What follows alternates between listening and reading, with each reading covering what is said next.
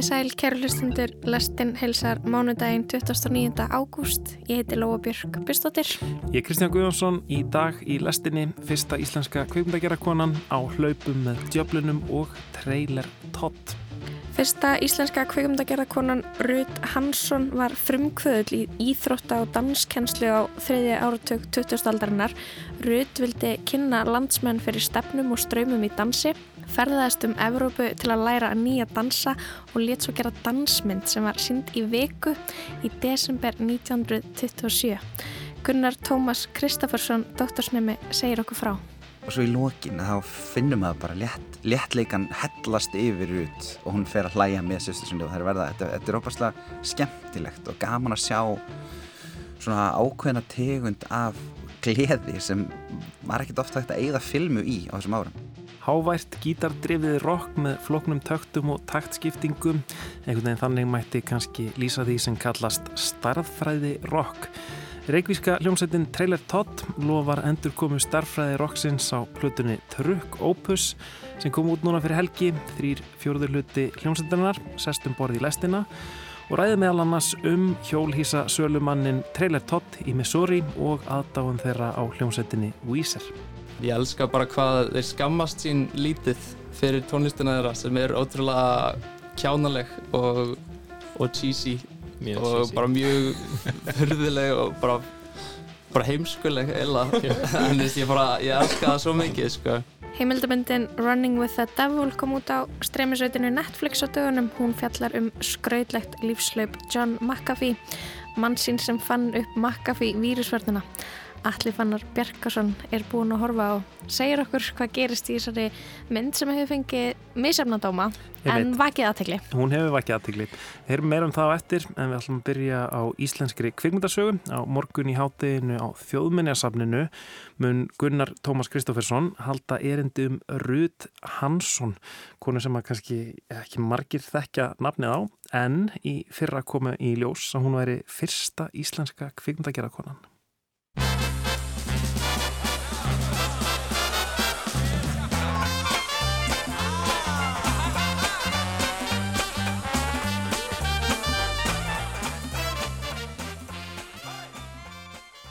Gunnar Tómas Kristófersson er sestur um borði í lestina á morgun í hátteginu í þjóðminnarsafnunu verður haldinn fyrirlestur um fyrstu kvikmyndagerða konuna á Íslandi.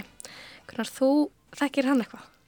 Já, ég hérna eh, svona rampað á hana. Ég er að sinna doktorsrannsóknum á Íslenski kvikmyndasögu og eh, rakst á eh, bara, það var svona minnst á að það hefði verið gerð dansmynd af konu í kringum 1930 og ég sendi fyrirspurn á kvimdasamnið eh, varðan þessa mynd og Gunnþóra Haldarsdóttir sem er, er þar verkefnastjóri eh, að hún fór að leitaði fyrir mig og, hérna, og fann sagt, dansmynd sem í raun var ekkert vitað um. Og ég fór og, og rannsakaði þessa mynd þótt hún mjög áhugaverð og þá kemur svolítið upp úr krafsinu að e, þessi mynd er gerð af Rut Hansson sem var svona frumkvöðl á sviði dans og íþróttakennslu á Íslandi á þriðja áratögnum og svo vatt það upp á sig ég fór og kannaði myndina betur um, hún var tekin upp í ljósmyndastúdjói það var náttúrulega næsta mála komist það í hvaða ljósmyndastúdíu hún hefði verið tekin upp, hver, hver var með Rudi að gera þessa mynd? Og komst það því? Og ég komst það því með því að bera saman hérna, eh, bakgrunna á e, myndinni sérst, úr myndinni hennar mm. e, sem eru mjög svona döfir og, og fór bara sérst, á Sarpin sem er alveg frábær vefsíða síða og bar saman sérst, bara myndir bakgrunna úr ljósmyndastúdíun hérna, landsins frá þessum árum og svo leit bar loksins árangur eftir svolítinn tíma. Og, og þá var það Loftur Guðmundsson sem gerði þessa mynd mm -hmm. e, með henni. Mm, e, Fram á þessu þá var talið að fyrsta kveikmyndagera konun á Íslandi væri ykkur annar. Jú, það var Svala Hannesdóttir sem gerði mynd með Óskari Gíslasinni sem heitir Ágirnd árið 1952 mm -hmm. En þannig erum við farin einhvern veginn miklu lengra aftur í tíman og, hérna, og hvernig var að, að grafa upp þessa, þessa filmu á, á kveikmyndasafninu og og byrja að horfa, hvernig tilfinning var það? Það var alveg ótrúlegt, það var alveg stórmerkilegt eh, og svona ógleimalegt, bæði hérna bara að standa eitthvað með hann og náttúrulega starfsfólk líka með að horfa á þessa filmu með öðrum augum í fyrsta skipti og náttúrulega skráðin á sapnið og, og, og sett þess að bara þangað inn að sjálfsögðu bara í svona protokoll og, og hérna e, og allt gott með það en hérna þannig voru að horfa á hana í öðru ljósi sem þess að þessa mynd og það svona var það er eiginlega svona sögulegan viðbörð já, já. og það var ofbáslega skemmtilegt það var alveg bara já, það var, var eftirminnilegt mm. að sjá hana þannig í fyrsta skipti. Og svo náttúrulega fer maður og fór ég og rannsakaði eh, hver Rutt Hansson var. Akkur í gerðunum þessa mynd og svona. Hún var ekki kvikmyndagerða kona eh, hún var fyrst og fremst eh, dansari og, og íþróstakennari í Reykjavík á þessum árum. Hún hefði komið sest, til landsins eh, eftir nám hún elsti upp á Íslandi, er eftir önskum ættum þess vegna er þetta Uh, já, fyrstu er þetta Hansson nafn Íslenskt mhm. það kemur frá föðurinnar uh, sem, sem fjölskyldar hans flutti til Vesturheims, Vesturheims uh, en hann eitt, sem, snýr tilbaka fadur hans hétt Hannesson og breytti því Hansson í bandaríkunum og fadir Rutar sem, kemur heim með þetta nafn og breytir því ekki tilbaka okay. mm. þess vegna kemur þetta Hansson nafn en hún sem kemur til landsins 1926 og byrjar bara strax stopnar dansskóla uh, byrjar að sína, er með svona góðgerðar danssýningar sem eru uh, eitthvað svona nýlunda hjá henni vekur aðtegli á sér, skrifar um sagt, góðar viðtökur í blöðin, þannig að hún svona vekur aðtegli stjórnar umfjöldurinni um dansskólansinn og uh, tekur þátt í sundkeppnum fyrir að kenna sund, kennir íþróttir í sundinu þá slær hún Íslandsmynd í stakkasundi sem er svona förðuleg sundgrein þar sem maður klæðist sjóstakk og syndir er satt á maður okay. og hérna e, og svo syndir hún líka engæjarsund fyrst hverna mm. og minn, hennar er sest, stundum minnst fyrir það og það er sest, þannig 1927 og svo sest, eftir all þessi afreika þá ákvæður hún að hún vilji kynna dans á Íslandi ennþá betur, ennþá meira hann hafði gert með síningunum og skólunum og greinlega setur sér í samband við Lótt Guðmundsson sem var kvömdagjara maður á þessum tíma og ljósmyndari, fyrst og fremst ljósmyndari en, en kvömdagjara maður líka. Og fær hann, sagt, ræður hann í raun uh, til þess að gera þessa mynd.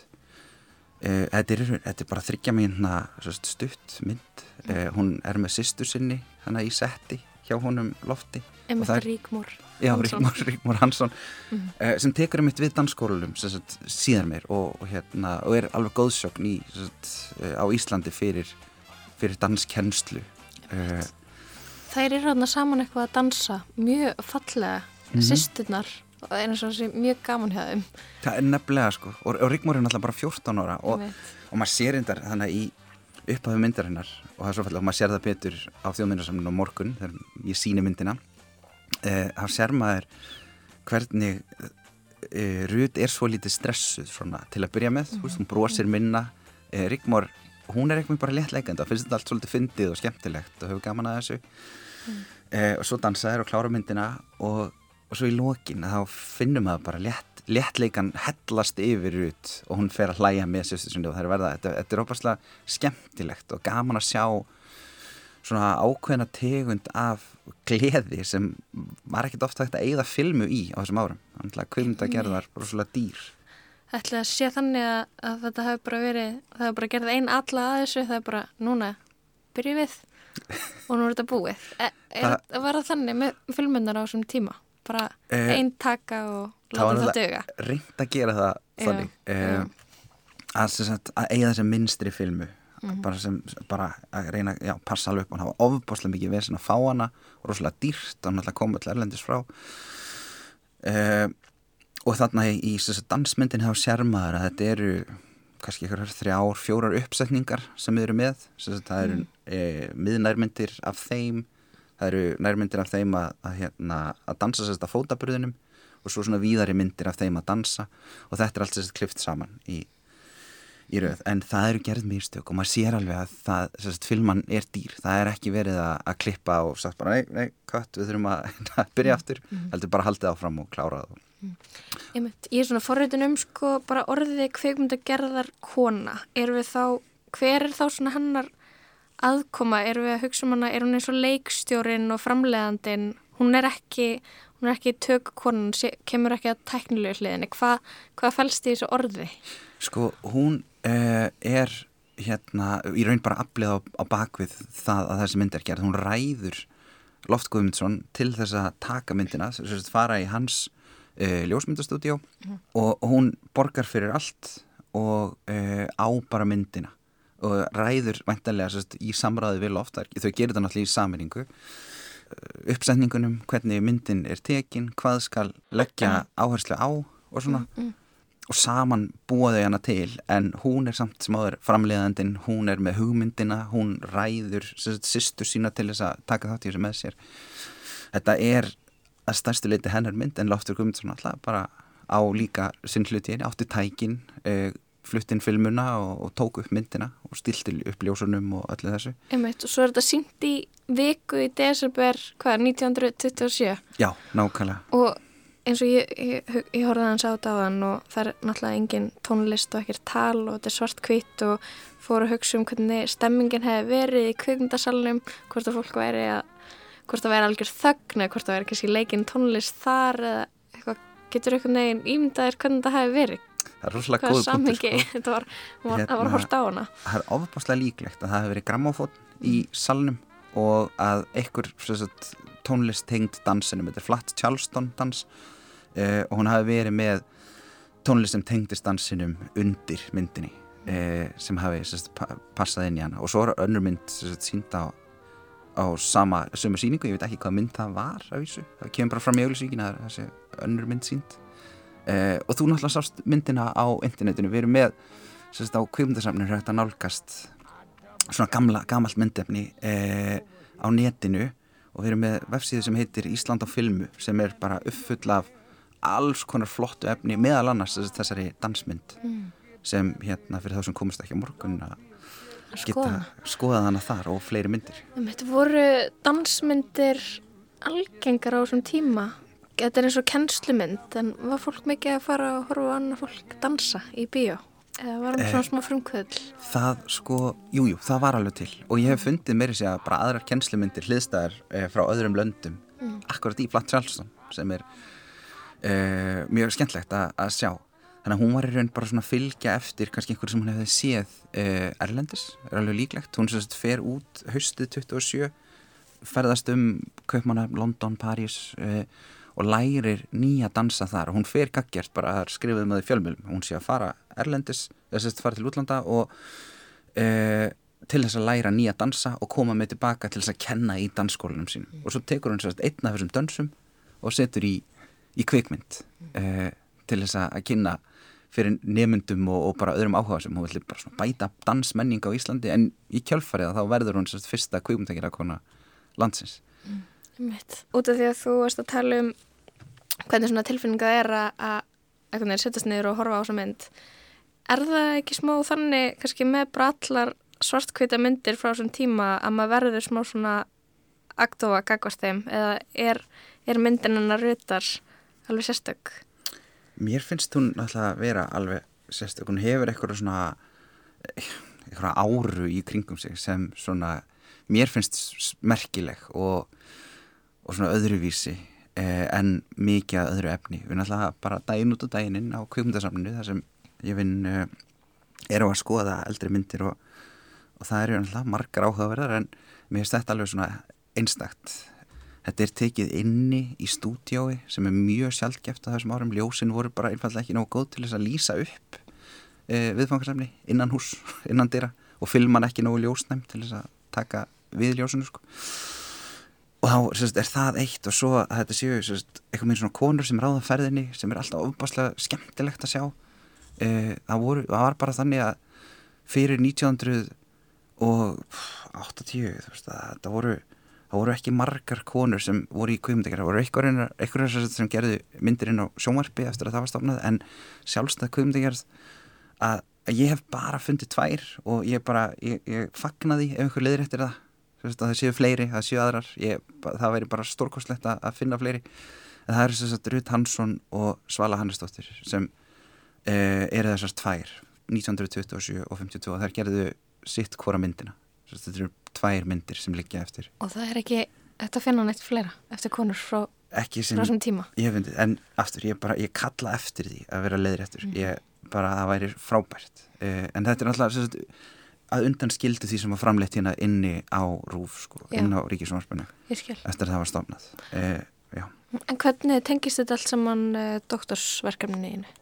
já uh, doktorsverkunum mitt hérna byrjaði bara sem uh, eitthvað svona hugmyndum það, ég vildi sagt, skrásetja viðtökur á eh, íslenskum kvikmyndum í íslenski kvikmyndasögu og svona fljótlega randaði fyrir mér sem sagt, að það átti eftir að rannsaka hansi mikið. Þannig ég bara uh, byrjaði á, á því að mér til glöggvunar að fara ná tímarit.is og fletta upp þessum þekktunöfnum lofti og óskari og taka niður allt um þá og sem bara svona vatt upp á sig. Og svo er ég komið með fleiri kvimdegiramenn inn í þetta og komið upp svona ítarlega æfisögur í gegnum tímarit.is og, og svo bara svona skrifaði ég greinar e, fór að kenna í háskólanum námskið um kvimdasöguna var ég óbærslega góður samstarfi við kvimdasafnið e, þá.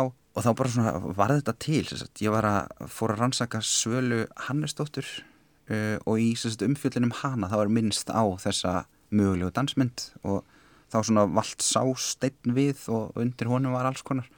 Og svo er þetta bara endalust. Núna er ég náttúrulega bara komin inn á kveimundasafn og, og þar er að fara fram alveg ofbúslega spennandi rannsóknir uh, og mikið í gangi á safninu varandi rannsóknir á kveimundum og sýningum og, og á þeim og í fyrra var ég að klára rannsókn á kjartan í óbjarnasinni sem var svona tilturlega óþektur kvimdagerðamæður sem var sérst, fyrsti kvimdagerðamæðurinn á Íslandi til þess að hætta að vinna við allt sérst, bara hann hætti öllu og varð sérst, atvinnu kvimdagerðamæður Í fu- fullu starfi í fullu starfi og var, var bara sá alfyrsti til þess að gera það. Það er nokkur hafa sérst, e, svona viljað vera, vera sáþúrstorkið Þorkjörnsson talaði um það hann væri sá fyrsti til þess að vera alvöru en, en sérst, kerstan er 1945 orðin kvimdagerðamæður og og gerir fyrstu myndina sem er með hérna, hljóði á Íslandi sem er hérna var tekin upp í tilefni að líðvildisáttíðinu 1944 ekkert sérstaklega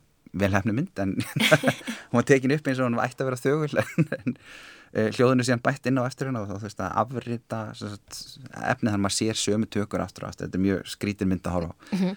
uh, þegar hún ekkert flóið hátt uh, og hérna og það er sagt þetta mun allt einhvern veginn koma heim og saman sem sagt Kjartan og Rut og Svala og svo er ég núna sko að Vigfús Sigurgjersson sem var svona sérlegur uh, ljósmyndari og fórsetæmbættisins eftir að það var stopnað og bara ljósmyndari og kumundegjara maður líka gerði merkilegar heimildamindir og þetta mun allt einhvern veginn koma heim og saman og verða að eitthvað sko sitt gerði eitthvað tíma kemur í ljós svona, en svona skrá íslenska kveikmyndasögu svona Já, þetta er það- eitthvað með, þannig, já. mm. þar sem við, við erum að beina ljósinu kannski á, á sagt, menn, menn og fó, bara fólk og konur sem, sagt, sem hafa fengið minni aðtegli hinga til. Einmitt, einmitt. Og það er náttúrulega það sem er í gangi líka, já, svo ég komið sér hring inn á þjóðminnarsafni núna, að þessi síning í skugganum uh, er um það líka að það er verið að beina sagt, kastljósinu á konur sem hafa oft verið í skugganum af þeim köllum sem þær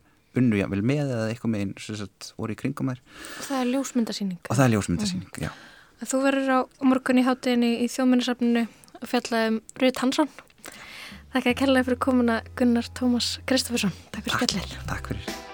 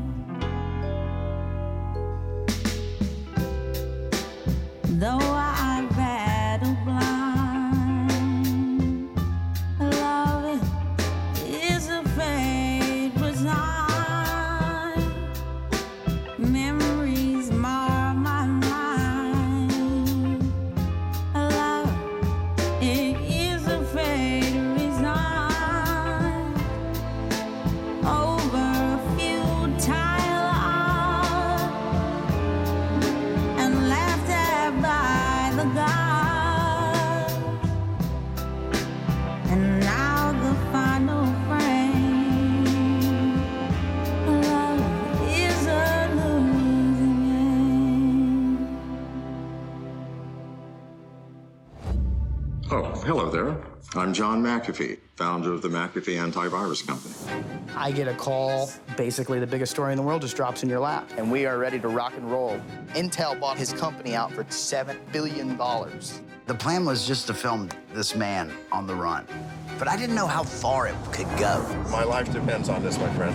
John created software to spy on everyone. I'm hearing everything you're saying. Some powerful. Núna í vikunni var frumsýnd á Netflix ný heimildamynd sem að hefur verið að vekja svolítið aðtegli mynd sem heitir Running with the Devil um, hvernig var því þetta Lóa? Að hlaupa með Á, djöflunum. á, á hlaupum með kölska Já, svoleiðis. vá, ok, það er miklu betra. Það er mynd sem fjallar um John McAfee um, sko, ég veit ótrúlega lítið um hennar mann um, en ég kannast við nafnið og ég svona, svona klingir einhverjum bjöllum svona eitthvað svona pop-up gluggi í tölvunni á mér eitthvað svona vírusvörn sem að um, er með þessu nafni allir fannar, er þetta sá hinn sami McAfee? Já, eðlilega þekkir hann út af þessu. Það var voru allar tölfur áður fyrir með uh, McAfee antivírus, uh, ve veiruvörninni og eru margar í dag, þetta fyrirtæki er ennþá til, en hann selur þetta einhvern tíman til, til Intel, uh, svona velbúnaða reysans Mhm. og var náttúrulega moldaríkur sem var, var kannski svona upphafið af af endinum fyrir hann, fyrir Mhm. mörgum ára var hann mjög ríkur og, og Já, sko, hljómar ekkit rosalega áhugavert að eitthvað svona ný heimildamynd um gæjar sem gerir vírusvörn það Nei, svona, er einmitt. já, en það er eitthvað meira En okkar maður einmitt, var ótrúlegur persónuleiki og einhvern veginn þessi mynd eh, þar sem við fáum bara svona sjá reyni, við fáum að fylgjast með hann svona á flótta. Hann er á flótta undan yfirvöldum í bandaríkinum og, og svona ymsum svona sem við vitum ekki alveg hvað er. Hann segir að sé, hann sé á flótta af ymsum ástæðum, við vitum ekki alveg hvort við erum að trú honum. Og hann að og við fáum að fylgjast með bara hann er með, með, sagt, lið að taka upp þegar hann er á flótta bara hann er á bátum, hann er bara í Suður Ameríku með, með byssur og dóp og húðflúr og, og, og er samt alveg sko háaldraður. Hann er, hann er, hann er á áttræðasaldri með, með giftur einhverjum ungum konum þetta er, þetta er eiginlega ótrúlegt ótrúlega saga sko. Byrju, byrju, byrju, hvernig, hver- hvernig hefst þessi vegferð? Að hérna, hvernig einn gatið þannig á milli vírusvarnar uh, Einmitt. forriðsins og svo og sko í millitíðinni er hann, hann jóki og, og er að, er að, er að, er að Auðvitað. er að, er að svona predika einhverja, einhverja lífsbeki Nei, en svo einhvern veginn það er eins og að gerist eitthvað, hann, hann, hann, hann var búin að vera eitur úr svolítið lengi og, og, svo fellur hann þá held ég að fara svolítið að halluna fæti og hann fer til hann Belize og þetta er rauninni rakið í annari heimildum en Netflix þegar hann er sko, hann er sagaður um morð á nágrann sínum. Þannig að 2012. Já, og það er, það er, það er önnur heimildamind á Netflix sem svolítið svona segjar eitthvað svolítið frá þessum manni og rekur þetta mál. En í Belize var hann bara búin að vera einhver svona algjör kongur búin að, búin að gefa löðruglunni tölfur og einhvern veginn að reyna að vera aðalmaðurinn í einhverju svona litlu samfélagi nema okkar það er bandariskur nákarinn sem býr í hliðanánu sem er alltaf að kvart undan hundunum hans, hann er mjög marga hunda. Og svo er eitrað fyrir hundunum hans sem hann grunar auðvitað nákarinn um að gera. Hann, hann hótar á einhverju tímpúndi að myrðan og svo er nákarinn myrtur. En, og hann verður aðal uh, hvað heitir það? Já, hann er svona sagbortningur í máli. í máli en veginn, en, en fer á flotta og svo er hann alltaf á flotta hann segist eiga einhver eiga upplýsingar um yfirvöld í Belize og að þess vegna sé verið að ofsækjan og, og það sé verið að bara, hann sé hafa verið rangir sög og svo segist hann hafa upplýsingar um eh, já, CIA og hann segist hafa upplýsingar um Kvítaðursi og Bandaríkin og Fósetta og, og allt. En sem hann hefur þú aldrei byrt og, og er einhvern veginn á flotta já undan bara hínu og þessu. Við fáum að fylgjast með honum á þessum flóta þar sem hann er bara einhvern veginn alveg bara dópaður og rugglaður með eitthvað ofsóknaræði hálfgerst já. En svo byrju, svo endar þetta veginn þannig að hann, hann tekur sér degi líf sensta sumar í fangelsi. Í, í Barcelona, já. já, hann er dáin en ávist eitthvað svona að hafa gefið það út og sagt öllum að ef hann eitthvað tíman tekur sér degi líf þá hafa hann ekki gert það Já, já, það er gott tvist í þessu líka að hann sko, hann er með, hann er, hann er með húðflúr sem einhvern veginn segir þetta. Að það er eitthvað svona, eitthvað svona kóði og hann byrti myndaðar á Twitter og hann segir sko bara ef að ef þið taka Epstein á mig sko segir hann sko og þetta Epstein alltaf tók ég lífi í, í fangaklefa segja þið og hann að þá, þá er, er, er það ekki ég. Þá, þá vitið bara að það var ekki ég sem geraði sjálfur mm og, og þetta segir hann og, og, og svo bara gerist þetta og hann hefur náttúrulega ekki, hefur ekki sést. En svo er annað í þessu að sko eftirlifandi eiginkonans hefur ekki ennþá fengið sko já, sjálfstæða krupningun er bara að fá að sjá líkansleifallar Það er eitthvað ennþá í líkúsi í, í Barcelona og þau kenni einhverju miklu svona mikil skrifiskum að þau fá bara hennilega ekki aðgang. Mm. En byrju, hérna þetta er maður sem aðeins er greinilega útrúlega skröldlegu karakter uh, og hefur verið mikið í, í, í fréttum uh, bara auðvitaðfarinn áratug. Þú segir að það var hérna heimil, heimilda þættir uh, sem voru á Netflix sem að, að fjalluði mann Hva, hvað er nýtt í þessari, hérna, þessari nýju heimildamind sem var að koma núni í vikunni? Það, það nýja er bara að fá að sjá, bara að sjá einhvern veginn hvað var í gangi svona baku tjöldin þegar maður var í rauninni á sama tíma og hann var svona á Twitter og svolítið svona að svolítið að monta sig að því að vera á flótta hvað hann var og var, var, segja, var svona að stríða einhvern veginn þeim sem hann taldi verið að elda sig sko að hann segjast hvað hann væri og hvað hann var ekki Sæðist þú á Íslandi eða ekki? Já, einhvern tíma þóttist hann verið á sigluferði mm. og hann að en þarna fá, þarna hann er nefnilega svo svakalega sko aðteglisjúkur og, og hekumluður á þessum tíma að hann, hann einhvern veginn, hann verður að vera með, með myndatökulið í kringu sig til þess að svona, ég fylgjast með öll sem hann gerir og, og þegar lögreglan er að skipta sig á hann þá er hann alltaf með mann að taka upp og segja, herru taktið þennan hérna, ég, þessi ætlar að handtaka mig og hann og er komin einhvern veginn þannig, en, en það er þessi sko þessi sín baku tjöldin sem er alveg ótrúlega en þess að sjá bara hann sko, hann, hann er bara, hann er einmitt, hann er, hann er á 8. aldri,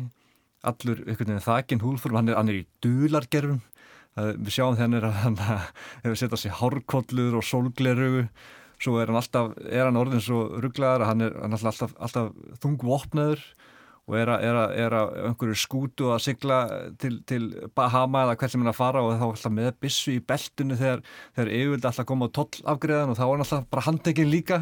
Með, fyrir ólega vopnaburð og er alltaf með ofmargar bissur, má verið með þrjár, er með 17 Ég er með sko, en það sem ég rakst aðeins á þegar ég var að leysa mig til um þessa mynd er einhvern veginn að sumum fannst þú kannski svona svolítið hlutra einhvern veginn með þessum manni sem að allavega þessum sem voru að horfa fannst kannski vera, vera svolítið augljóslega einhver vondur rugglaður, gammal kall sem, þú veist, hvað finnst þér þú horfur á þessu heimildamind, mm -hmm. erum við mhm. einhvern veginn ferðið í lið með honum eða Nei, sko, það, já, minn, þetta er góða punktur þeir sem að gera, er, er að fylgjast með hann, þeir verða vinirans á bara einhvern veginn með tímanum og þeir tala alveg um það bara, þetta, þennan dáin ég bara segja bara, ég misti, misti vinn skilur, og svona, alveg komast við þegar þeir eru að tala við, um hann sko.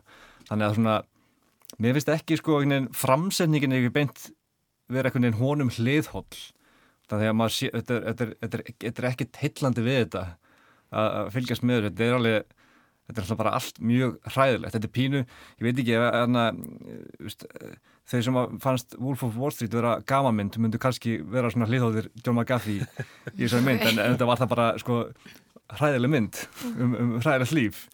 En þarna, en þarna, þarna er sko just, það koma menna að taka hann upp fylgjast með sem að þekkja hann ekkert fyrir og verða einhvern veginn svona vinir hans í gegnum þetta, þetta lífverðni og taka þetta þáttið líka sjálfur en svo eru aðri punktar í þessu sem að væri kannski veist, áhugavert að kafa meira og onni er að sko að tala um fjölskyldans hann átti sko föður sem að sem barði, barði allt í kringur sig hann og mömmans og, og aðeins, aðeins kom inn á það. Hann á dóttur sem hann, sem hann yfirgaf og hann bara, eða sagt að hann bara vilji alls ekki tala um það hann einhvern veginn talar um allt nema það og það er svona þá fór að veginn svona maður svona, vá, ok, þannig að hvaðan hann kemur með þetta allt saman sko mm. og þeir kalla hann bara að segja bara, ég meina, svona gera narsisistar, þeir, þú veist, þeir yfirgefa börnin sín og bara hefja nýtt nýjan kabla án þeirra sko mm. barnana og hann að það var svolítið merkjælt og svo það sem maður vil kannski bara ekkert svona segja frá, fólk eru bara að horfa bara hvernig svona sögur um hvað, svona, hvað varð svo um föður hans og hvernig hann tengist því og, og annars sko, þetta er allt svona sko, þetta er öllu falli er þetta hræðilegu maður en það er mjög merkilegt að svona, þetta er merkileg saga sem hann á sko, mm -hmm. verandi þessi sílingum valli miljardamæringu líka. Einmitt, og við, við náttúrulega fólk er almennt mjög hérna hrifið að því að þetta fá svona insýn inn í um, líf svona fyrðufugla og, og karaktera sem eru svona já, sérstakir Já, mjög sérstakir einmitt og bara þetta er allt sem að vera tilbúin að fylgja sér í þessum, þessari vegferð þetta er eitthvað sem að flesti myndu bara reyna að láta sér kvarfa mm. og hann vilja ekki sjást lifa þessum lífstíl en hann, hann vildi bara taka þetta upp og vildi örglega bara láta, láta sína þetta Netflix líka sko. Allir fannar, takk hjálpa fyrir að koma til okkar í lestina og segja frá myndinni Running with the Devil uh, um vírusvarnar kongin sem að já, gerðist um, dópisti og, og mögulega morðingi og, og, hérna, og ég veit ekki hvað og hvað Ummitt, takk fyrir mig They had given me some poison. We all make mistakes. It's getting crazier and crazier. So is McAfee a successful entrepreneur who went mad and killed his neighbor? Or is he the potential savior of America? this is a dangerous man. I've not found a human being who did not have a secret.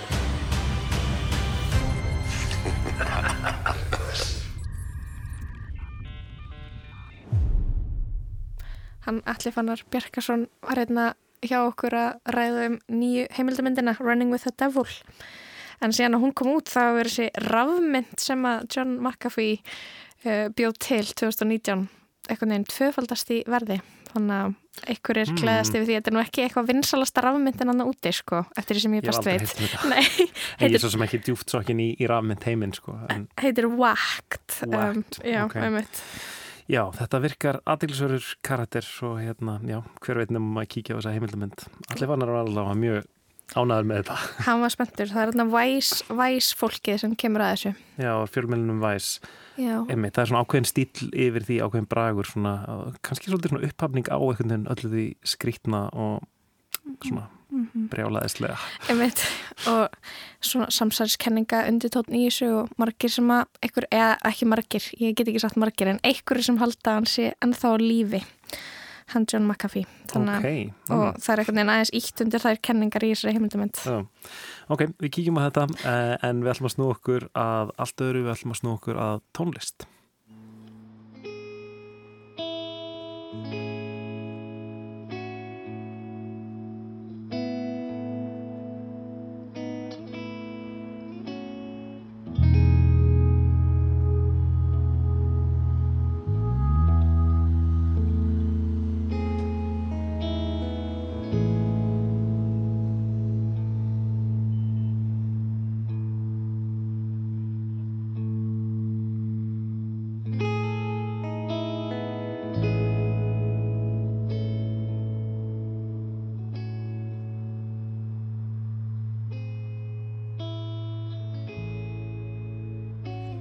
Síðasta vor festist í græunum hjá mér lag, lag sem var endar bara til á tónlistar myndbandi eftir Erni Ómarsson. Þetta var lagið Skjálfhend með íslensku rockljómsveitinni Trailer Todd. Þetta var skemmtilegt myndband, annarleg ferðum miðbæ Reykjavíkur með gítarleikara sveitarinnar styrni kjartansinni þar sem hvert andlit sem byrtist honum á förnum vegi var hans eigið. En það var umfram allt tónlistin sem var frábært, áleðandi rocktónlist sem vísaði aftur í ameríst háskóla indie, jæmt sem sveimandi post-rock og vísvitandi flægt starfræði rock. Klingjandi ramaskítarar tvinnast saman í silkimjúkar fléttur en brjótast að lokum út í háværari og ágengari bjögun. Sama ár gáfu Trailer Todd svo út á streymisveitum upptöku frá tónleikum sveitarinnar á hátíðni á borðeiri, skemmtilega galsakend og rá upptaka af tónleikum þar sem sveitin spilaði meðal annars lög eftir kraftverk og jazzsveitina The Bad Plus. En nú er loksins komið að stúdioplötu frá Trailer Todd, sexlaga plötunni Trukk Opus sem kom út fyrir helgi hjá útgáfu samlæginu Póstreifingu. Ég hóaði í hljómsveitina trailer Todd og þrýr fjörði hluti hennar mættu og byrjaði að segja mér, svona til þess að prófa mikrofónuna, hvað þeir fengu sér í morgunmatt. Já, Þetta er Linur Sævansson, bassaleggari, grillaða samlóku og kaffi. Kormákur Lógi Lauvejarsson Bergson, trommuleggari, Fyrsti dagur minn í háskólanum og ég kærasta mín vaknaði undan og kerði háragröð með Vá, eplum ok, og kaffi. hvert, hvert að læra. Ég var að byrja í almennum málvísindum. Og svo Styrnir Kjartansson, gítarleggari og söngvari. Um, ég heiti, ég heiti Styrnir og ég fekk mér bygglu með smjör og osti í morgumat. Hinn gítarleikarin Dagmar Ír Eithórsdóttir var vand við látin svo við fáum víst ekki að vita hvað hún fekk sér í morgumatt.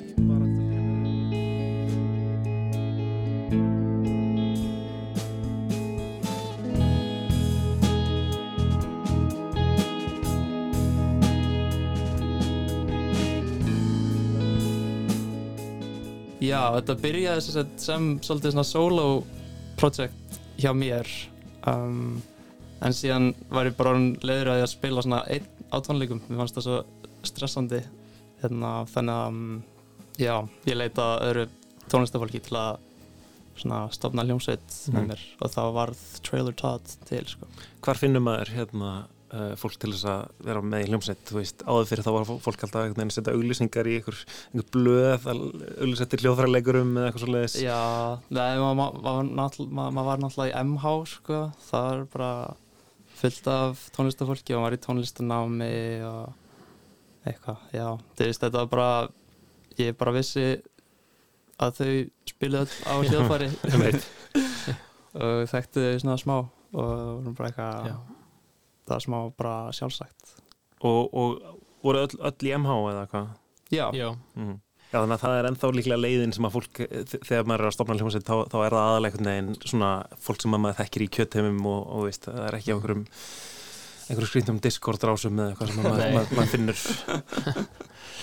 Nei, já, ég, ég, ég er ég, anna, stóru bróður Styrnis, við, við erum góði vinnir og ég kynntist Styrni í gegnum hann. Þú varst bara einu trommuleikarinn sem ég vissi af. Og þú varst bara vinnur bróður minns og ég þekkti þig ekki neitt. Ég man mér fannst það skrítið að fá bóðið fyrst. Og ég kunni eiginlega ekkert á trommur í raun þegar við byrjuðum. Fannst mér ég kunni bara hana, ég kunni tvö beat, ég Mhm. kunni rock og bossa nova. Og svo, svo finnst mér einhvern veginn eins og allt sem ég hef lært er bara í gegnum það að spila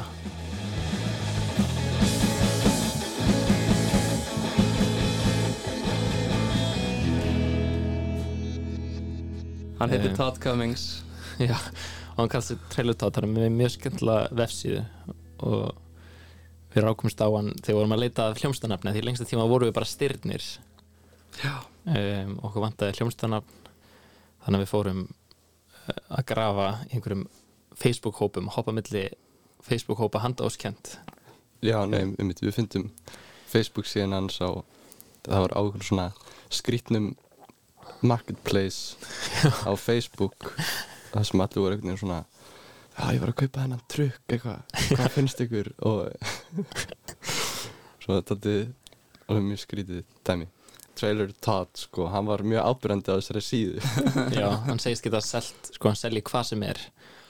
Ef, ef þú vilt kaupa eitthvað frá hann þá reddar hann útvegarandi Ok, þannig að þið eru bara einhvern veginn að að vafra um, um, um Facebook, bara eitthvað að leita að einhverjum finnum hlutum, reykist á trailer Todd og bara eitthvað, við ætlum að skýra hljómsdina okkar eftir þessu manni. Já. Og, og veit hann af því eða eitthvað? Sko, hann er hann er alveg daldið featured á fyrsta lægin á plötunni Já, við hringdum í hann sko og við byggumst við, við að fá bara símsvaran en uh, hann, hann svaraði símanum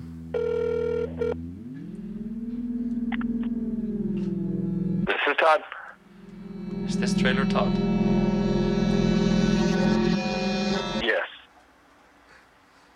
Well, this one's for you, buddy. What's that?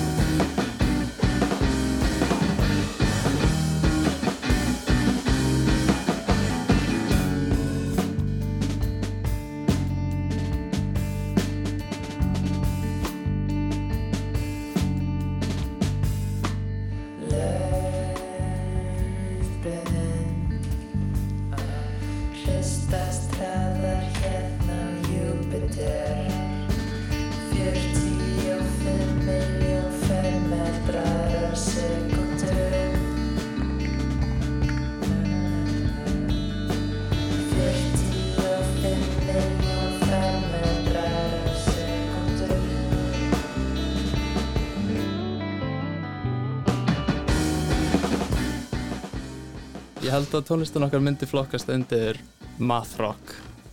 Við erum mjög, innblás, mjög mikið innblásin á slint og American football og því Minor Forest og allir þessi dóti.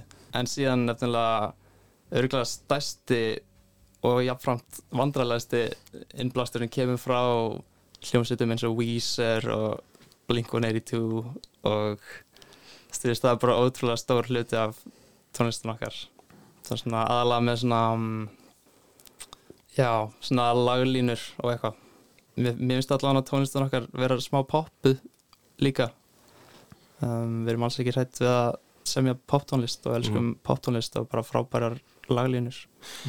Já, ég er hérna einmitt vísir aðdáðandi kannski þess vegna hérna, þess, þess vegna tengi við tónlistin eitthvað svona. Um, það hefur kannski ekki þótt mjög töff svona í setni tíð að, að fíla vísir sko. um, eru það, er það að hlusta bara, bara á gamla dótið eða, eða er það að fylgjast með hérna, öllum nýju plötunum sem koma frá vísir margar á ári eiginlega? ég um, bara vísir uppáhaldsljónastöð mín í heiminum og ég elska bara allt sem þeir hafa gefið út um, ég elska bara hvað þeir skammast sín lítið fyrir tónlistina þeirra sem er ótrúlega kjánaleg og, og cheesy Mjög og cheesy. bara mjög hurðileg og bara bara heimskuleg eila en ég bara, ég elska það svo mikið sko. Já, við erum búin að vera að hlusta á að lagið Troublemaker. Já, við erum, Gott lag. Gott lag. Frábært. Við erum mikið búin að tala um mixið á, á laginu Troublemaker af, af rauðuplötunni Rosalegt mix. Ég, ég tengi, eða sko, meðast hérna uh, ég, meðast ég heyra svo mikið svona enduróm af hérna, af Only in Dreams af Mhm. hérna, er ekki bara á, á bláuplötunni sem, að- sem er svona, einmitt svona hérna, langt og, og líðandi lag sem að, hérna, með þessum endurtækningum og, og, og einhvern veginn rocki svo. Já, já, einmitt, lagið Tires, það er eiginlega bara, við stálum eiginlega bara Only in Dreams. Það komst loksins upp um okkur sko, í þessu viðtali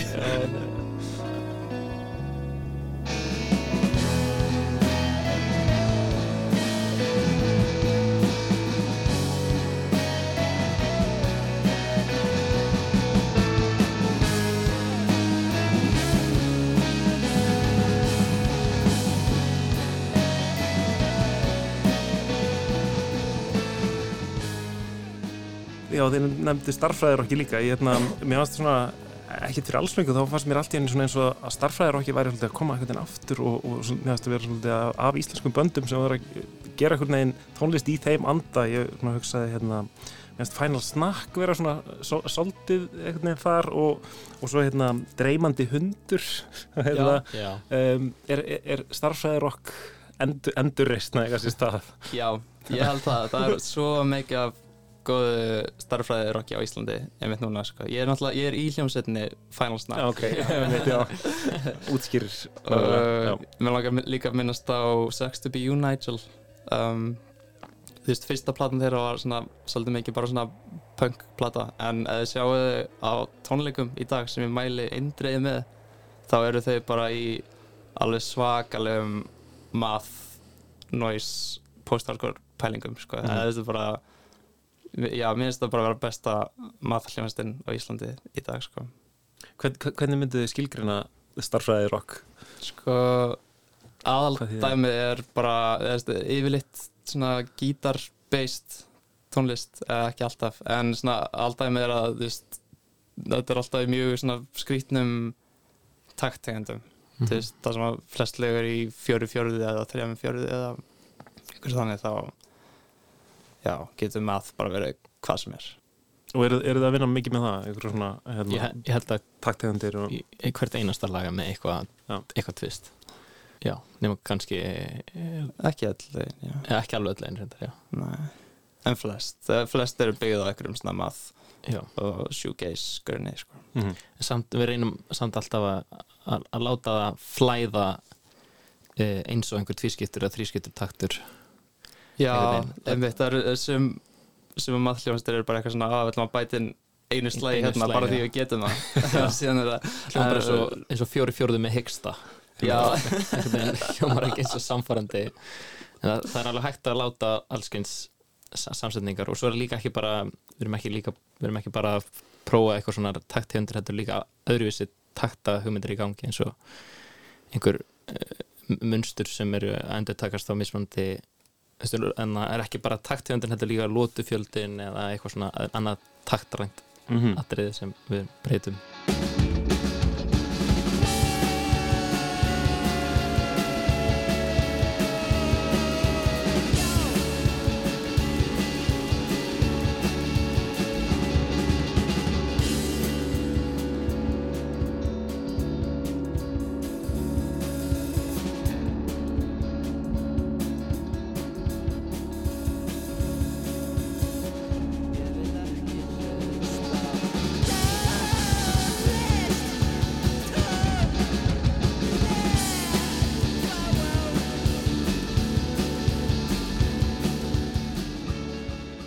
platan ykkar Trukk Opus sem kom núna út bara fyrir helgina. Hérna, þið tók hann upp alveg fyrir frekar löngu síðan og hérna um, eru búin að vera lengi, lengi að að melda hana. Uh, hvernig er að sjá þetta loksins, loksins koma út þá? Það er mjög fyndið sko.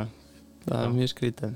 Því að, já, platan var svo tekin upp fyrir tveimur árum Mhm. og flest lögin voru saman fyrir svona þremur árum eitt, veist, eitt lagi var saman fyrir fjórum árum það var lagið Skjálfend sem var elsta lagið á plötunni þú veist, við bara um, tókum upp plötuna síðan bara var eitthvað svona að við breytumst smá sem tónlistafólk og, vorum ekki alveg svona að fýlisa tónlist jafn mikið og vorum en já, við ákvæðum bara nýla að svona bara klára hana því að Já. leiðilegt að taka eitthvað Já. upp og ekki gefa það út en í dag erum við bara mjög sátt með hann og finnst hann bara mjög skemmtileg Mhm. og fyndin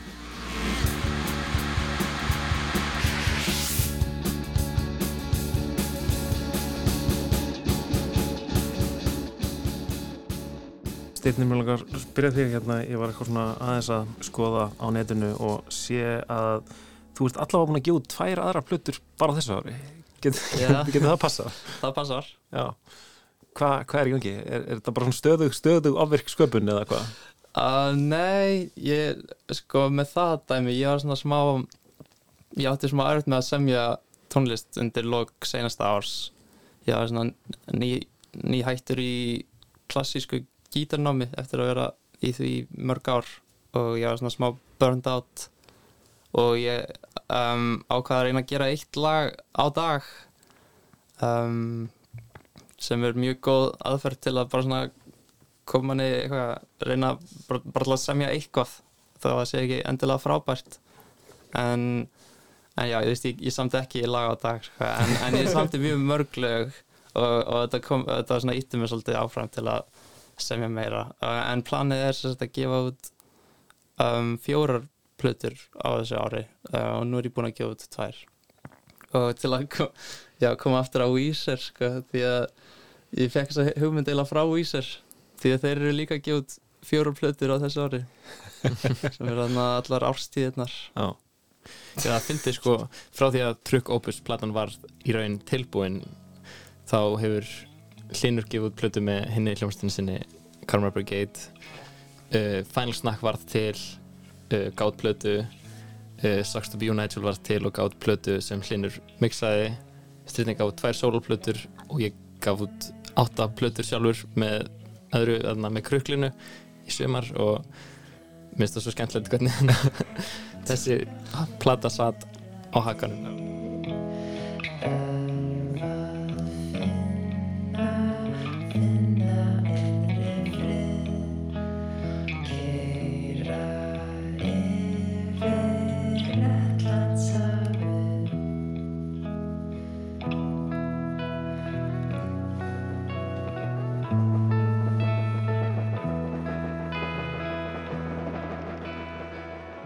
Mér langaði langa að spurja um hérna, plötukoferið. Um, hvað er í gangi þar? Er þetta, er þetta gerfigreindar teiknuðmynd?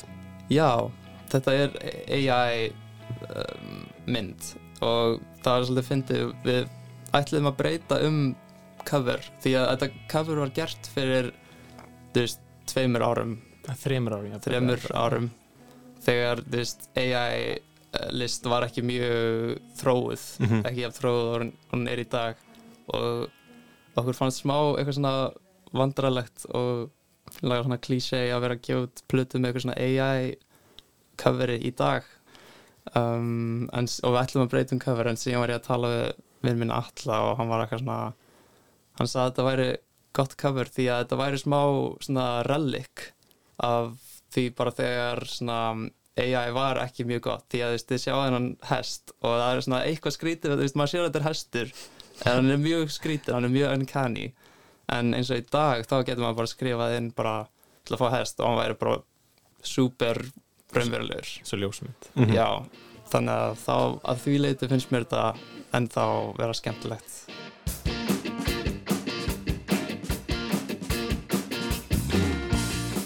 Hlinur, Kormákur uh, og Styrnir úr Trailers Todd uh, til aðmyggjum plötun ekkert. Takk kærlega fyrir komin lestina. Takk. Takk fyrir að hafa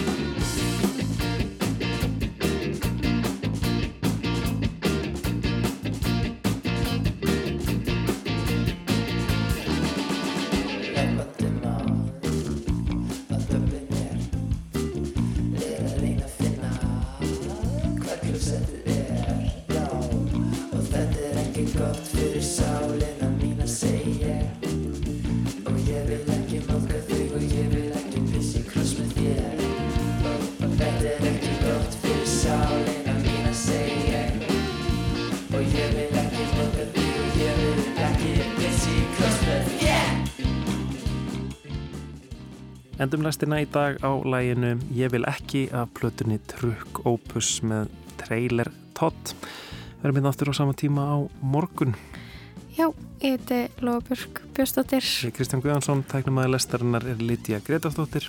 Verðið sæl.